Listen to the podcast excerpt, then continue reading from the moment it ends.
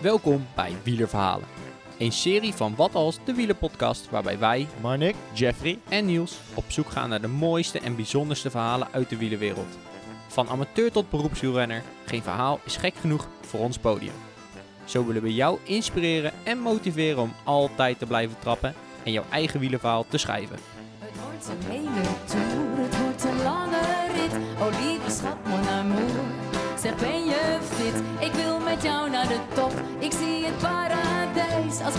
tussenstop. En dan weer vlucht naar Parijs. we zitten er weer in de proloog. Yes, We mogen weer een, eh, een tof wielerverhaal opnemen. bladzijde 8. Bladzijde 8, een, eh, een nieuw hoofdstuk eh, in ons wielerverhalenboek. En deze gast is eh, van best wel ver gekomen. Ja, van over de grens ditmaal. Over de grens, onze eerste internationale gast in onze wielerpodcast. Hoe gaaf is dat? Ja, wij verwelkomen eh, Robbe Snel. Ja, goedenavond. Wat een eer om jullie eerste internationale gast te zijn. ja, Zeker weten, zeker weten. wij vinden het ook een hele eer om je te mogen ontvangen. Ja, want wij, eh, ja, wij kennen jou via iemand van eh, Cyclon, ehm, de marketingmanager. Ja. Dus eh, wij zijn daardoor in contact gekomen met jou. En jij had een ontzettend tof wielerverhaal. Ehm, ja, dat klopt. Dat klopt. Eh, moet ik nu even al iets eh, prijsgeven? Of, eh? Een, een- tipje van de sluier. Tipje van de eh. sluier. Ehm, het gaat over een eh, soort van sponsortocht. Dus Een sponsortocht. Ja, sponsor toch, dat kan van natuurlijk van alles zijn. Dus eh, we houden nog lekker de spanning hoog. Precies. Ehm, want eh, eerst willen we eigenlijk wel weten eh, wie je precies bent en wat je precies doet. Dus eh, zou je jezelf even kunnen voorstellen aan onze luisteraars? ehm, ik ben Robbe Snels. Ik kom juist over de grens van- eh, met België. Eh, ik heb eh, van mijn 10 jaar tot mijn eh 21 jaar gekoerst. Ik ben beginnen met koersen, eh, omdat ik eh, het voetbal eigenlijk maar niks vond. En eigenlijk, het is ook nog wel een beetje een klein grappig verhaaltje. Ik ben beginnen eigenlijk op de weg koersen. Het was eigenlijk eerst de bedoeling om te beginnen veldrijden. Ehm Dat is in België natuurlijk super populair. Super populair, tuurlijk. Ja. En ehm, ik ging met mijn vader wel een keertje mountainbiken. Maar ja, met die dikke banden, ik zeg, ik wil eigenlijk wel een, eh, een crossfitje, zodat ik eigenlijk eh, mee kan gaan veldrijden en eh, wedstrijdjes kan gaan doen. Maar mijn ouders, die, die kenden ook niet zoveel van het wielrennen, dus ehm, wij op een dag naar de, naar de fietswinkel. En in plaats van met een veldritfiets kwamen we met een, een, een gewone wegfiets buiten eigenlijk. en ehm, ja, op de eerste veldrittraining kwam ik dan aan en ja, ik had niet het gepaste materiaal bij. Dus ja, hebben ze maar besloten dat ik dan op de weg moest gaan beginnen koersen om te kijken of ik het zeker leuk vond. En eh, moest ik eerst maar bewijzen of dat ik eh, wel eh, genoeg gemotiveerd was om te fietsen. En zo ben ik eigenlijk eh, op de weg beginnen koersen in de plaats van op het veld. Dus per ongeluk op, eh, op de weg terechtgekomen. ja, ja dat klopt. En dat bleek, dat bleek nog een, eh, een groot succes eh, wat dat betreft. Nou ja, we zijn er net in ons voorgesprek achtergekomen dat we samen in eh, de Servers uit Limburg op de grond hebben gelegen. Ja, ja. Zo vijf, vijf meter van elkaar af. eh, Ja, ja. zo zie je maar, de wereld is klein. De wereld is eh. klein, zeker in het ja. ja. Maar je hebt best wel eh, wat leuke prestaties nog gereden volgens mij. Ehm, ja, bij de jeugd eh, heb ik nog wel enkele leuke resultaten gereden. Bij de nieuweling heb ik eh, in België heb je een soort van eh, topcompetitie. Ik denk dat jullie dat in Nederland ook wel zullen hebben. Mhm. Dat is eigenlijk een, een soort van eh, klassement over eh, enkele wedstrijden. En dan heb ik twee etappes van, de, ah, van, het, van dat circuit eigenlijk kunnen winnen. En ehm, ik heb eh, ook wel enkele winters binnen op de binnenpiste gereden. En daar heb ik eigenlijk ook wel enkele re- leuke resultaten kunnen halen. Ehm, zo ben ik een keer derde geweest en een keer tweede geweest op Belgisch kampioenschap op de, op de baan. Kijk. Kijk, dat is niet niks. Ja, Dus die wegfietsen, die kon je ook, daar kon je ook mee naar de baan uiteindelijk, of Ja, wel? uiteindelijk wel, uiteindelijk wel. Ja, ik heb uiteindelijk bewezen dat ik eh, graag fietste en dan zo, eh, ja, kreeg ik van mijn ouders ook wel de kans om eh, de wereld en het fietsen een beetje te verkennen en eh zag ze dat zitten om eh, met mij naar de, naar, de, naar de baan te gaan ook en zo en zo een beetje daar terecht gekomen. Nou, tof. Ja, gaaf. Ehm, maar wat doe je momenteel? Ehm, ik ben, eh, zoals ik zei, op mijn eh 22 gestopt. Dus ik ben in het begin van het jaar gestopt. Ehm wij hebben thuis een, eh, een, een veehandel. Ehm, en dat zijn eh, vaak lange dagen werken. En dat was eigenlijk moeilijk te combineren met eh, toch wel de vele trainingsuren. En eh, daarmee ben ik eigenlijk gestopt met, met koersen. Maar nu eh, ben ik voltijds aan het werk thuis eh, in de veehandel. Eh, veel, veel met de vrachtwagen rijden en eh, ja, En nog steeds een uh, wielerliefhebber, anders kon hij niet eh, zijn verhaal helemaal Nee, hier eh, vertellen. ja, hij is stil van. Ehm, nou, wij, eh, eh, wij zouden het heel leuk vinden als jij eh, jouw verhaal eh, gaat vertellen. Ja. Eh, we geven het podium aan jou. Wij draaien zo eh, onze microfoons weg. Ja. Ja, En dan eh, mag je jouw verhaal doen. Fietscafé De Proloog in Amerongen. Weet je wel, daar onderaan die Amerongse berg. De plek waar wielerverhalen worden geboren en doorverteld. Zien we jou binnenkort ook voor een magistrale koffie. Mijn verhaal dat ik jullie graag wil vertellen gaat over Duchenne Heroes. Dit is een mountainbike sponsortocht over 7 dagen, waarbij elke deelnemer 2500 euro moet inzamelen. Het geld gaat naar Duchenne Parent Project. Het Duchenne Parent Project is een vereniging van ouders met kinderen met de ziekte van Duchenne. Samen werken ze aan het versnellen van de genezing en de behandeling van de ziekte van Duchenne. Het verbeteren van de medische zorg en een beter toekomstperspectief bieden voor iedereen die de ziekte van Duchenne heeft. Ehm, ik ga even kort schetsen eh, hoe ik hierbij ben eh, toegekomen. Dus het was Wim, een goede vriend van mijn papa, die met het idee afkwam. Eh, Wim is een mountainbike freak en houdt wel van een uitdaging. Hij vroeg of ik die zeven dagen niet met hem wou gaan fietsen, waar ik natuurlijk meteen in geïnteresseerd was als wielerliefhebber. Er waren wel eerst enkele praktische dingen die ik moest nagaan vooraleer ik me inschreef. Tijdens die week van Duchenne Heroes had ik eh, normaal gezien school, dus moest ik eerst zien of ik mijn afwezigheidswel kon wettigen die week. Ik had zelf ook helemaal geen mountainbike, maar Wim zei al snel dat hij een reserve had die ik mocht gebruiken. Het volgende probleem was dat ik nog maar 15 jaar was toen en de minimum startleeftijd 18 jaar bedroeg. Na samen gezeten hebben met de organisatie kreeg ik groen- groen licht om te mogen starten. Voor het fietsen zelf had ik in het begin niet zoveel schrik. De zeven dagen viel in september en aangezien ik die periode toch nog wedstrijden reed, ging ik conditioneel wel in orde zijn. Enkel het inzamelen van die 2500 euro wist ik niet goed hoe ik daaraan moest beginnen als 15-jarige. Als eerste heb ik een beetje research gedaan naar wat Duchenne eigenlijk is, zodat ik toch wist waarvoor ik het deed.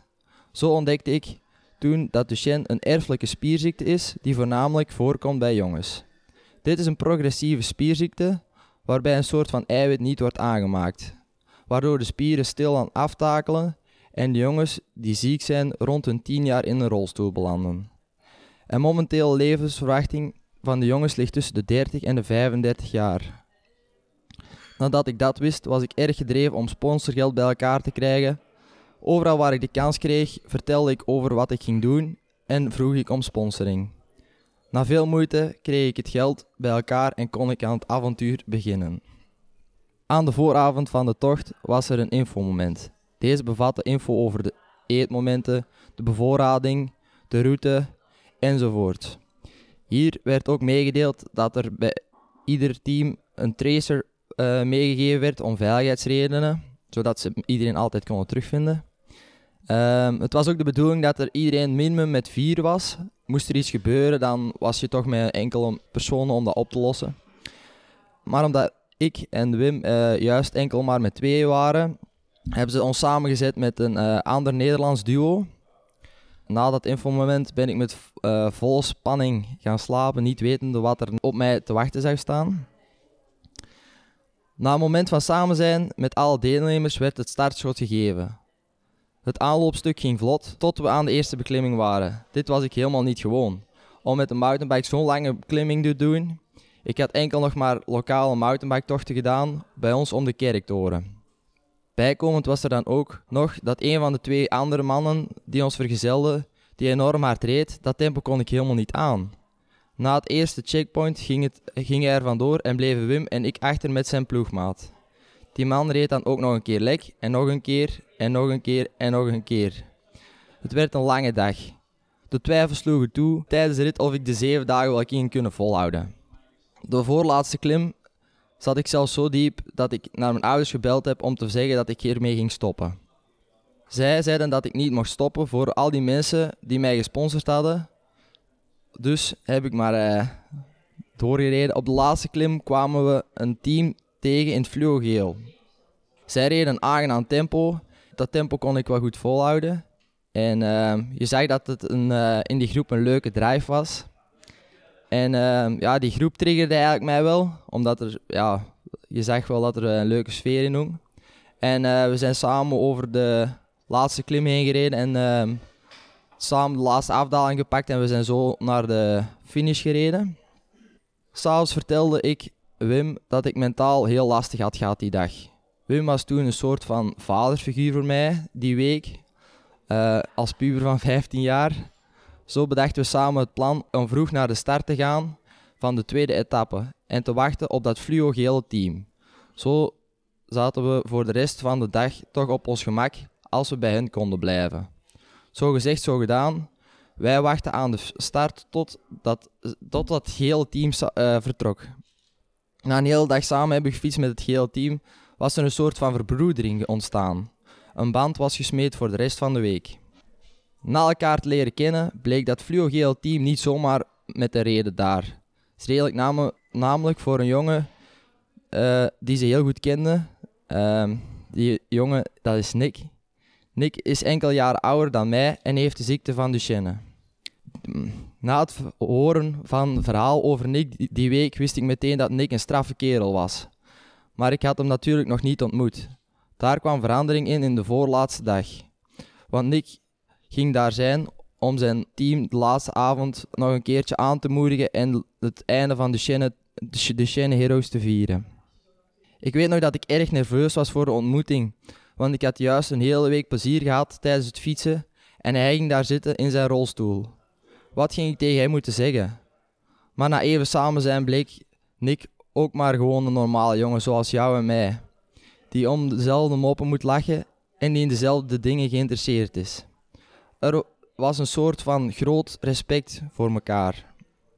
De aankomst van de zeven dagen mountainbiken was hier in Nederland in Nijmegen.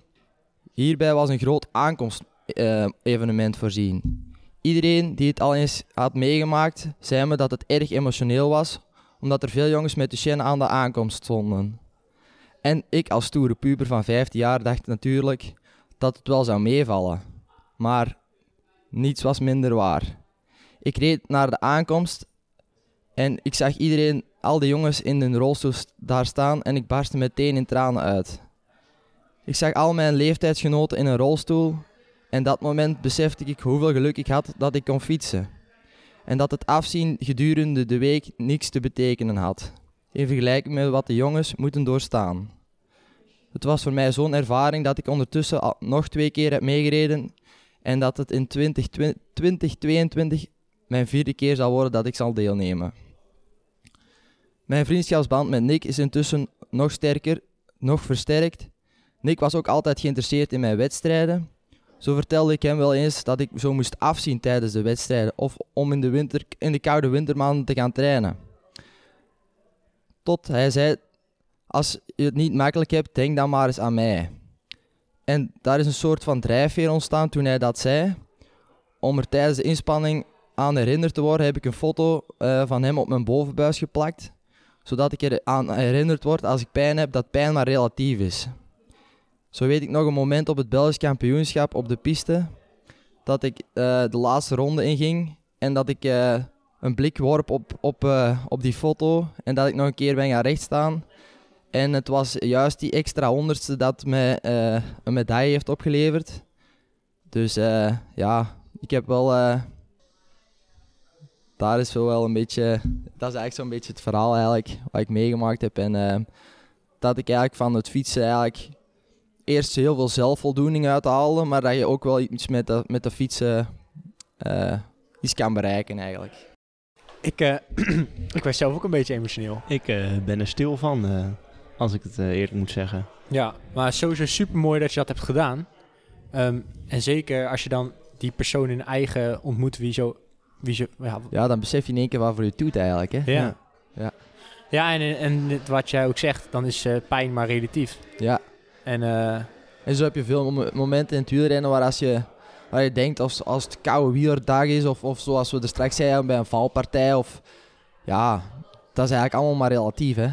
Dus Ja, het zijn korte momenten die, het zijn korte momenten. die wel ja. weer overgaan. Ja. Ja, en dan een levensverwachting van 30, zei je, Ja, 35. 30, 35 jaar. Oh, dan krijg ik meteen een knoop in mijn maag, joh. Ja. Ja, Dat, eh, dat hoop je niet mee te maken zelf. nee.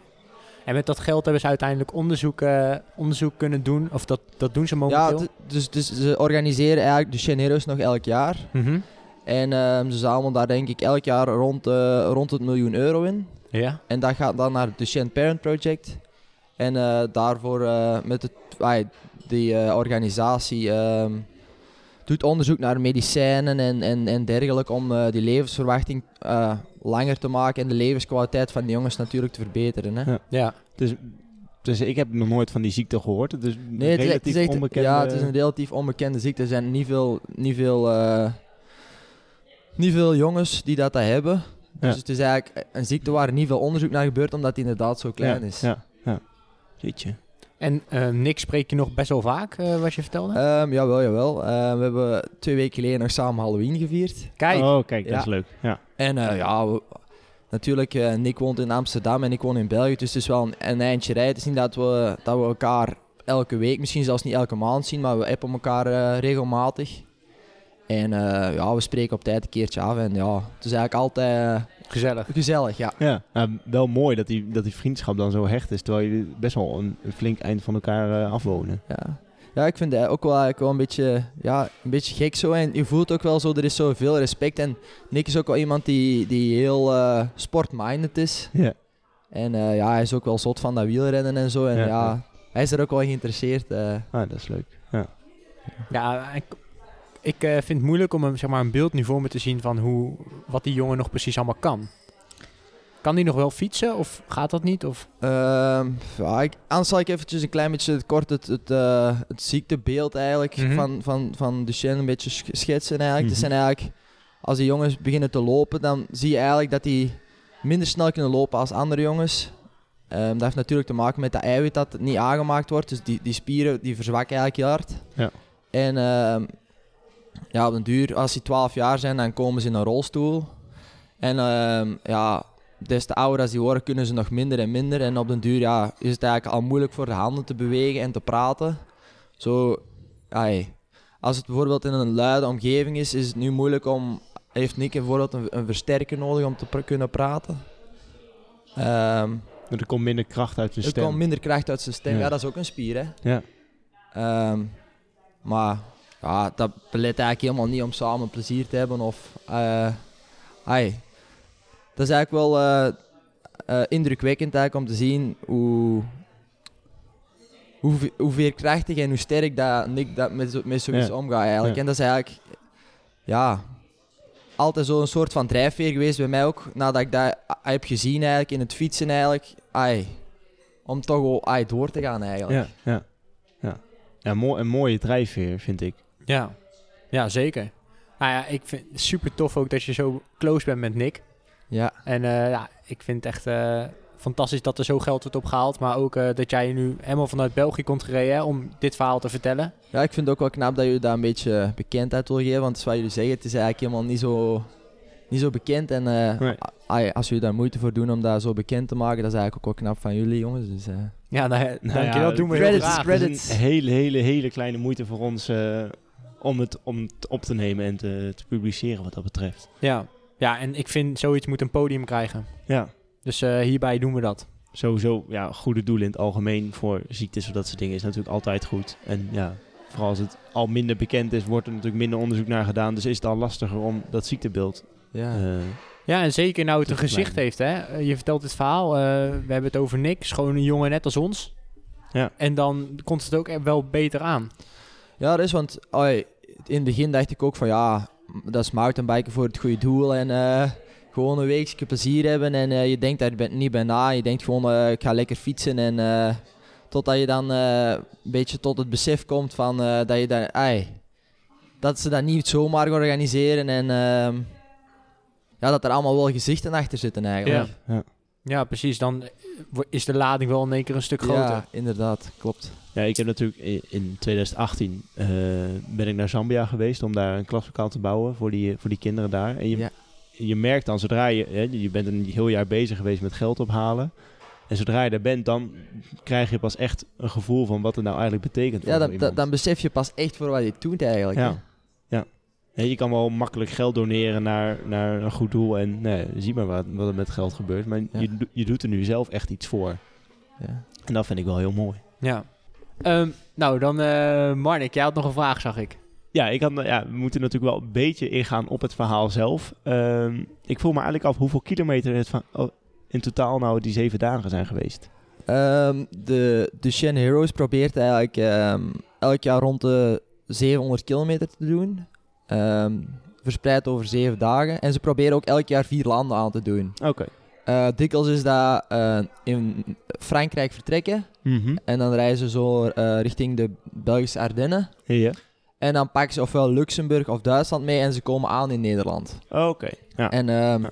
dus eh, iets van een, eh, toch wel boven de 10.000, 11.000 hoogtemeters eh, die week. Dus de, het is best wel... Holy, dat is het is- fors. Het is, het is best wel pittig. Ja, en dacht- zeker met de mountainbike is dat wel... Ik eh, dacht op zich 700 kilometer. Ja, 100 kilometer op een mountainbike is wel veel. Maar Dat is wel serieus, hoor. dat is wel, ja, het is flink, dat klopt. Maar als je dan ook nog eens die, die hoogtes meet- meetelt, dan... eh, Ja, mag, mag je niet onderschatten. Zeker als je zo daar in de Ardennen, dat zijn eh, best wel eh, lange klimmen. En eh, ja, je kan ook niet zoals op de weg eh, tempo rijden, want je hebt nog wel wat Ja. bochten en een beetje techniek. Dus eh, het zijn best wel lange dagen hoor, ja, ja.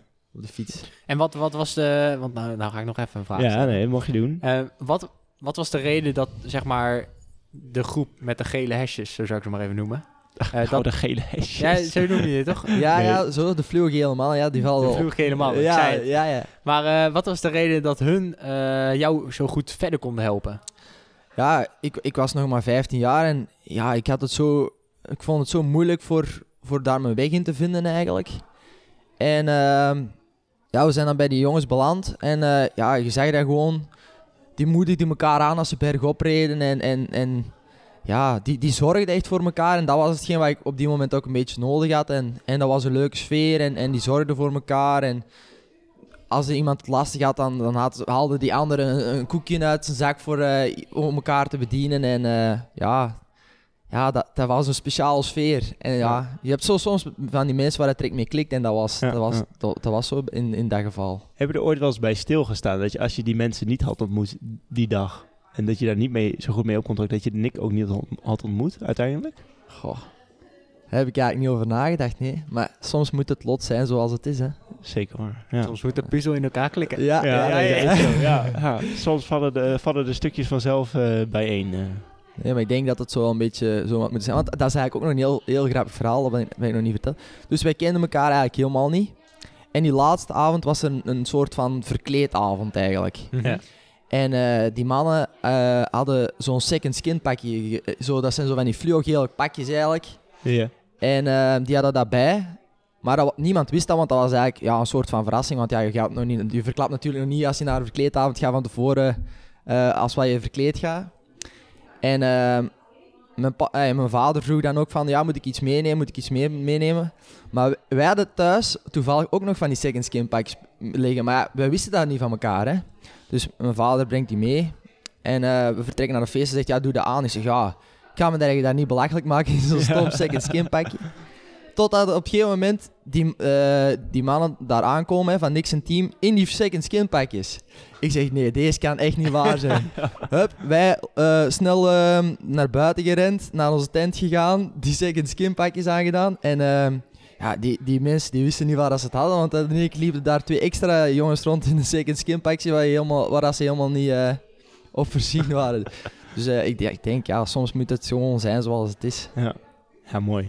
Dat is het lot. Dat, is het lot. Ja. Dan hebben we eigenlijk eh, een laatste vraag aan jou. En dat is, eh, wat zou je met jouw wielenverhaal willen meegeven aan onze luisteraars? Ehm, als eerste van eh, als je het een keertje op een momentje lastig hebt, ehm, dat je moet denken dat, eigenlijk allemaal, ah, dat je het eigenlijk allemaal niet zo slecht hebt en eh, dat je gewoon moet doorbijten. En ehm, ja, dat je uit fietsen veel zelfvoldoening kan halen, maar dat het misschien ook wel eens een keertje leuk is als je met dat fiets iets anders kan bereiken, zoals bijvoorbeeld ja, zo'n sponsortocht of zo. Ik, dat is wel... eh, ik vind dat wel een unieke, een unieke ervaring om, om met dat fietsen eigenlijk iets te bereiken eigenlijk wat dan niet zelf voldoening is zo ja Ja, iets Ja. voor anderen iets voor anderen doen. eigenlijk kunnen Ja. doen ja ja, ik vind dat wel, ja, dat is wel een speciaal, speciaal, om, ay, speciaal eh, ervaring. En ehm, ja, ook speciaal sfeer op, op zo'n, zulke evenementen. Hè. Ja. Ja. ja, dat kan me voorstellen.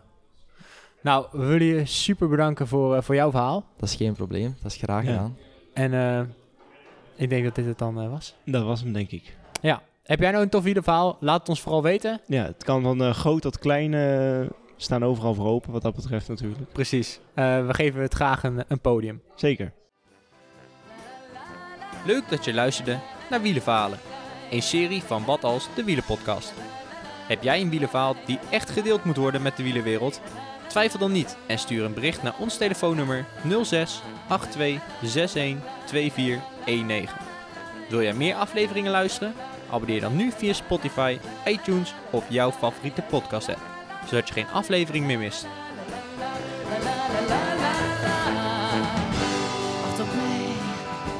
Ken jij meer wielerliefhebbers die deze aflevering absoluut niet mogen missen? Deel hem dan of laat een review achter, zodat ook andere wielerliefhebbers ons weten te vinden. Nogmaals bedankt voor het luisteren en hopelijk tot de volgende keer. Oh mon amour, mon amant, zo lekker nat van het zweet. Ik zoen je en passant, je t'aime dat je het weet. Ga niet te snel voor mij, die wijn die canapé. Alles wacht op jou, ja op de Champs-Élysées.